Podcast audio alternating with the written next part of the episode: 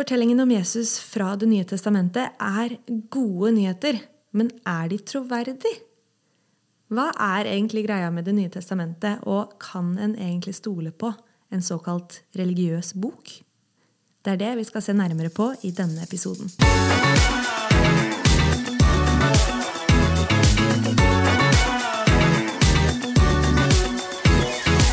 Har du noen gang lurt på om Bibelen er kvinnefiendtlig? Om Jesus var uenig med Paulus, eller hvorfor det er så vanskelig å lese i Bibelen? I denne podkasten finner du spørsmålene som alle lurer på, men som ikke alle våger å stille. Og i dag, Kristoffer, så skal vi snakke om hva er greia med Det nye testamentet? Ja, det skal vi. Og dette må jo sies å være et veldig viktig tema. Og et tema som er veldig aktualisert med mange kristne i dag. Altså, kan vi stole på det som står på Det nye testamentet? Mm. Eh, og hva er det vi skal se helt konkret på i dag? Jo, vi skal se på kapittelet til din kollega, faktisk, eh, Josefine. Yes. Ja. Jon Romul Hoversen fra laget. Eh, og han skriver da hva er greia med Det nye testamentet. Og som vanlig så skal vi oppsummere kjapt. Og dette er jo et kapittel vi har jobba ganske mye med i redaksjonen, for det er veldig omfattende. Og det vi fikk fra Jon var òg veldig omfattende. Så den har vi jobbet masse med. Men jeg skal prøve å oppsummere innholdet så kort jeg bare kan. Så det første spørsmålet han stiller og, og begynner med, det er kan jeg stole på en religiøs bok. Og det er et sitat der fra noen han har møtt i, gjennom skepsisvekene, eller skepsisukene. Eh, og der en sier at det er jo mye lettere å stole på en historisk kilde enn en religiøs bok. Eh, men Bibelen er jo en samling av historiske kilder som brukes som en religiøs bok. Så den er historiske kilder som, eh, som vi kan se nærmere på. Ordet Bibelen det er jo fra gresk og betyr egentlig eh, samling bøker eller bøker. Eh, og disse bøkene de er utvalgt etter noen kriterier. Så tekstene er ikke troverdige fordi de er i Bibelen, men de er i Bibelen fordi de er troverdige. Det er sånn, For å snu det om der, da. Genialt. Ja. ja. Godt sagt. Det var Jon som sa. For å Ja, godt sagt, Jon. ok, Og så er neste, da. Kan en stole på evangeliene? Og hva er de for noe, egentlig? Jo, de er jødiske biografier eller fortellinger skrevet i en gresk-romersk tidsepoke. Eh, og det betyr jo at vi, vi kan sammenligne dem med andre, andre skrifter i samme periode. Da. Eh, og så er det en del innvendinger mot eh, det som står i Bibelen. F.eks. at den består av mirakler og overnaturlige hendelser, og at vi derfor ikke kan stole på den. Men virkeligheten er jo at det er veldig mange historiske kilder fra antikken som inneholder overnaturlige ting, ting som ikke gir mening. Jeg vet ikke om du har tenkt på det noen gang, men når du har sett sånn 'Ringenes herre' eller disse store slagene, så står det jo ofte én mann og roper ut, og så er det jo 100 000, eller i hvert fall mange titusen folk, som alle hører alt det den ene personen sier. Det er jo litt uh, usannsynlig, på en måte, mm -hmm. at, at, det blir sånne lange taler. Men det er faktisk uh, sånn uh, romerske skrifter sånt var, da.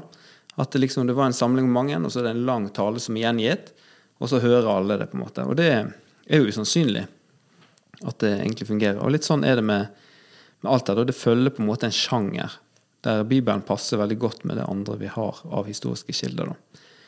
Og her er jeg litt Du var jo fagekspert på eh, noe annet, men her er jeg litt sjøl òg som historiker, heldigvis. Oi, oi, oi. Ja, så vi har mange andre historiske kilder fra antikken som inneholder det. Eh, men de regnes òg som troverdige av historikere. Eh, og så er det jo òg eh, det som er mer på, på Jon sin hjemmebane. At filosofisk så er jo mirakler faktisk mulig. Altså Det går an å tenke seg til scenarioer der det er mulig.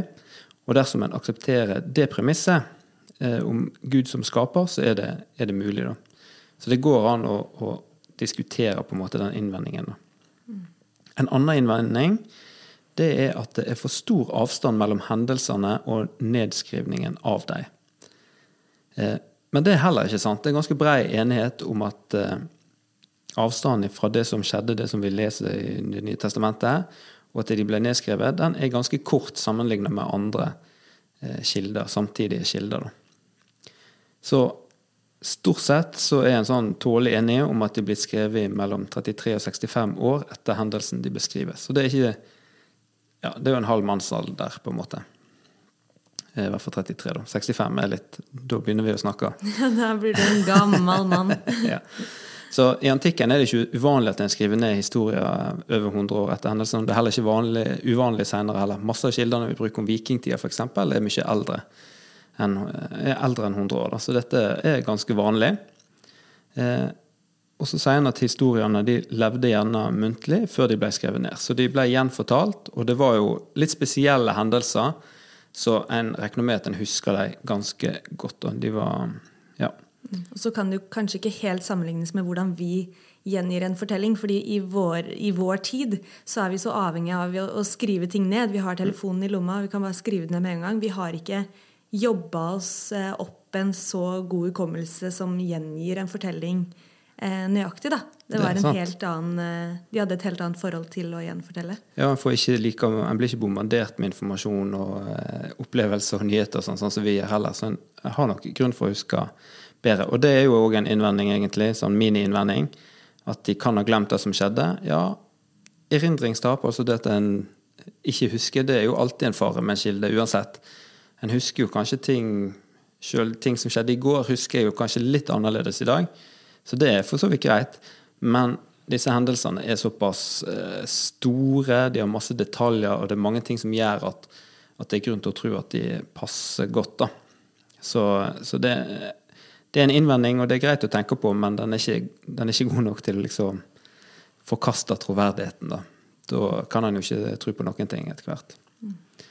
Og så er det en innvending til. Og det er at, Men Jesus han blir jo ikke bekreftet av andre samtidige kilder. Det er innvendingen. Eh, men det er jo helt enkelt feil òg. Josefus han eh, er jo en veldig kjent eh, jødisk-romersk historiker. Og han nevner Jesus en god del, egentlig, eller sier ganske mye om han. Og så er det dette med at Nytestamentet er såpass spekka med detaljer, og det gjelder òg egentlig Det gamle testamentet, som gjør at det går an å, å spore opp det og se om det stemmer. Eh, så, så, den er ikke avskrevet, den er troverdig. Evangeliene er troverdig. Eller som Jon sier, igjen en sånn der eh, punchline. Den er din tro verdig. Oh yes. So good. God kollega du har. Ja, ja, ja. Absolutt. Absolutt. Men du, Josefine, nå har vi gjort en sånn eh, kjapp gjennomgang. Mm. Eh, hva tenker du eh, om Nytestamentet? Hva hva er greia med den? Greia med Nye testamentet, det er eh, Sånn jeg ser det, så handler Nye testamentet om Jesus, om eh, hvordan livet med Jesus er, livet med Den hellige ånd. Og ja, hvordan det livet i den nye pakten kan se ut. Med dens ulike utfordringer som vi kan og bør ta, og nåden som vi får uansett hva Wow, det rimte. Det var ikke forberedt at skulle, jeg var ikke forberedt på det. Det var Godt jobba. ganske kult. Ja. og så eh, markerer jo korsfestelsen eh, den viktigste hendelsen i historien. Det markerer et tydelig før og etter. Og denne etterperioden, den er vi jo fortsatt i. Helt frem til vi blir, blir henta, da. Og derfor vil jeg også si at den er, det er eh, aktuelt. Um, ja. Og så er det godt å vite at, og interessant å tenke på at noe som ble skrevet for 2000 år siden, fremdeles uh, er aktuelt. Men så skjønner jeg jo at uh, det kan være vrient for noen å skjønne nettopp det. Det er jo en eldgammel bok. Hvordan kan, hvordan kan, den være aktuell og, og troverdig? Så hva, hva, tenker du skal til for at, noe, for at Det nye testamentet skal være troverdig? Ja, det er et godt spørsmål. Jeg tenker jeg tenker at den må stå seg som historisk kilde for min del. Det kan jo ha noe med å gjøre at jeg er historiker, så, men eh, jeg tenker det har noe òg med Hvis jeg skal tro på innholdet, så må den òg eh, holde seg da, som en historisk kilde. Så det tenker jeg er, viktig. Det betyr ikke at det ikke kan være litt små motsigelser og sånne ting. Det tåler, det tåler en historisk kilde. Det vil alltid være litt sånn spenning og ting som en man bruker mer tid i. Og det er jo for øvrig nok i jødisk tenkning, så er det jo nettopp der det er motsetninger eller paradoks. det er der liksom det er gull å finne. da. Så det er der en må bruke litt tid og prøve å søke og liksom se om en greier å knekke koden på hva er det egentlig som, som ligger her, da. Så, så, det tåler vi fint. Men det må være, for meg så må det være en historisk kilde. Men så må òg innholdet vise seg å være aktuelt og sant. da. Altså Hvis det ikke passer inn i Eller hvis det ikke gir noe inn i mitt liv, at jeg ikke føler at det, det som står der, er sant, så er det vanskelig å Så er det nok vanskelig å, å føle at det er troverdig, da. Så når Jesus sier at han vil gi, seg, gi meg av sin fred, så bør jeg kanskje få kjenne på det en gang eller to for at jeg skal føle at det stemmer. da. Mm. Så ja, jeg tror de to tingene med historisk kilde, men òg at det må føles relevant, aktuelt, eh, i hvert fall sant, og viktig. da. Men vi kan bevege oss litt videre. Hva kan det ligge i at NT ikke bare er troverdig, men òg din troverdig, Josefine? Hva tenker du? Jeg har ulike tanker om det. Ja, altså, jeg tror på en gud som lever i dag, som ønsker en relasjon med meg, og som ønsker å ta meg med på eventyr. Og dette eventyret, det, det vil jeg være med på. Mm. Eh, og jeg tror på en far som ofra sønnen sin, og en bror som ofra livet sitt for meg. Så jeg tenker han er verdig mitt liv, min etterfølgelse, min tro. Og så har jeg også erfart Guds nærvær. Og, og gjennom eh, bl.a. apologitikk så har jeg fått en større forståelse av at han, han, er nødt til å leve i dag. Jeg klarer ikke å ikke, ikke tro på det. Um, så for meg så er ja, så gir det den troverdighet. Jeg har skjønt at Gud, Gud lever i dag, og han er, han er verdig. Mm. Og han er min tro verdig. Men så kjenner jeg jo også kirkegjengere som tenker at eh, jeg trenger ikke noe bevis på, på, at Gud eksisterer for at jeg skal tro på Han. Og de er på en måte tilfredsstilt med det man kan kalle en, en blind tro, da. Mm. Eh, ja. Så hva tenker du om det? Hva hva har det å si at eh, Nytestamentet er troverdig? Og hva betyr det eh, for hvordan en skal forholde seg til budskapet i evangeliene? Jeg tenker jo at det er viktig at den er troverdig, altså det vi har snakket om med både historisk kilde og erfaringen. Eh, og så tenker jeg det, det finnes jo egentlig tre former for tro, da. Du har på en måte den grunnlaget om jeg tror på at uh, det finnes en gud eller ikke. Det er jo kanskje sånn helt grunnleggende som vi kanskje lurer litt på av og til hele tida, men som litt, ligger i grunn. Og så handler det jo om å ha tillit til, til det vi tror på. altså hvis eh, jeg tror på Jesus, og så over tid så har jo jeg, han på en måte bygd opp en tillit. da. Jeg erfarer, og så blir det mer tillit og større tillit, og så bygger det seg opp. Og så på et eller annet punkt, og dette snakker bl.a. C.S. Lewis eh, om en del, at, at, vi kristne vi snakker av og til om tro som en dyd, som, som, eh, som noe en skal liksom jage etter, da, ha ei tru. Og da handler det egentlig om det å, å være trofast, eller troskap. Altså trofast til det vi tror på, da. Sånn at uh, når jeg leser ja, når jeg leser noe da, som jeg har all grunn for å tro på, jeg tror det er sånn grunnleggende at Gud finnes, og jeg har egentlig tillit til Gud, så må jeg òg eh, på en måte leve etter det, da. Være, vær trofast til det. Mm.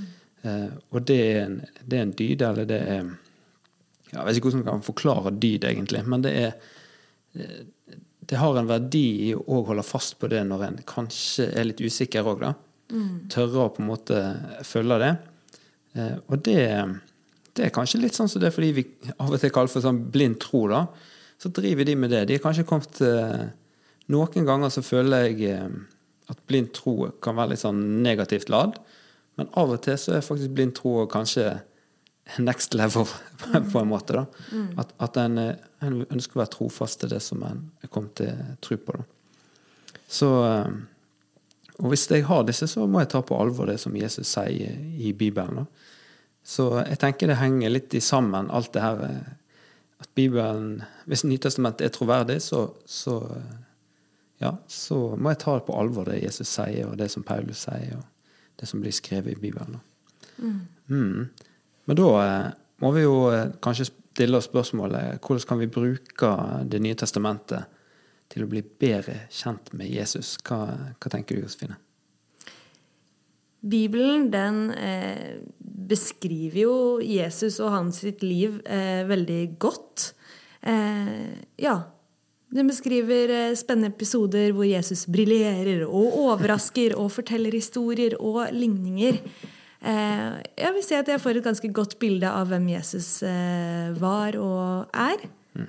Samtidig, samtidig, som jeg tror at man må bli kjent med Gud gjennom Den hellige ånd nå også, da. Det er den kombinasjonen av å lese boka og, og eh, ja, ha denne relasjonen med Den hellige ånd, mm. som sammen eh, skaper det kjennskapet til Jesus da, og den relasjonen til Jesus. Mm. Der er du inne på noe spennende. For meg som historiker, så av og til så merker jeg at jeg kan gjøre eh, på en måte bibellesningen min litt en sånn eh, Ja, mer en sånn studie enn mm en, eh, noe levende, da. Det er en utfordring for meg, kjenner jeg av og til, at jeg liksom jeg, eh, Ja, jeg studerer på en måte Bibelen i den konteksten han sto, eh, fantes i, da. Mm. Og det tror jeg er ganske viktig, selvfølgelig. Men av og til så glemmer jeg liksom å stille spørsmålet so what? hva, hva, betyr det for, for, meg i dag, da? Hva betyr det? Hva er det, hva er det Jesus prøver å lære meg? Hva er det han prøver å vise meg? Eh, og det tror jeg er en utfordring som vi må, vi må ta med oss. da. Mm, for i motsetning til andre bøker, andre historiske kilder, så er jo denne boka levende. Mm. Det har vi vært inne på før. Men Den, eh, den hellige ånd vil, vil, undervise oss i dag. Mm. Vil, han vil fortelle oss og, og, lære oss å ja, videreutdanne oss. Så ja. Man trenger, man trenger Skriften, og så trenger man Den hellige ånd som kan undervise underveis. Mm. Spennende samtale, det her. Om Det nye testamentet. Intet mindre. Wow. Eh, så ja, det vi har snakka om i dag, det vi har tatt for oss i dag, det er at Nye testamentet det er, Vi har grunn til å tro at eh, det er sant. Det er troverdig. Og vår tro verdig. Og at det, det kanskje kan være mm, utfordringer i denne, Det nye testamentet som vi burde ta på alvor. da. Mm, absolutt. Og så, eh, før vi avslutter helt, så må vi jo eh, si takk til alle som lytter på oss. Det, vi lanserte jo denne podkasten nå 1.6, juni, mm. og eh, vi var på topp fire, Josefine, innenfor religion. Oi, oi, oi! oi, oi. oi, oi. Wow. Hvor er applausknappen? Jeg husker ikke. Åh, det, den gule. Det er den gule? Nei, så ikke på. Der! Yes! wow! Ja, det er utrolig. Veldig, veldig gøy. Og hvis du blir eh, inspirert av det du hører, eller tenker at hm, disse hadde noen ok tanker om Bibelen som jeg vil dele med andre, så gjør det. Mm. Og trykk gjerne på følg, så du får vite når vi eh, gir ut noe nytt. Mm, absolutt. Så eh, kommer vi det er jo, Vi legger ut episodene annenhver uke, så om to uker så er det en ny episode ute. Yes. Vi snakkes. Vi snakkes.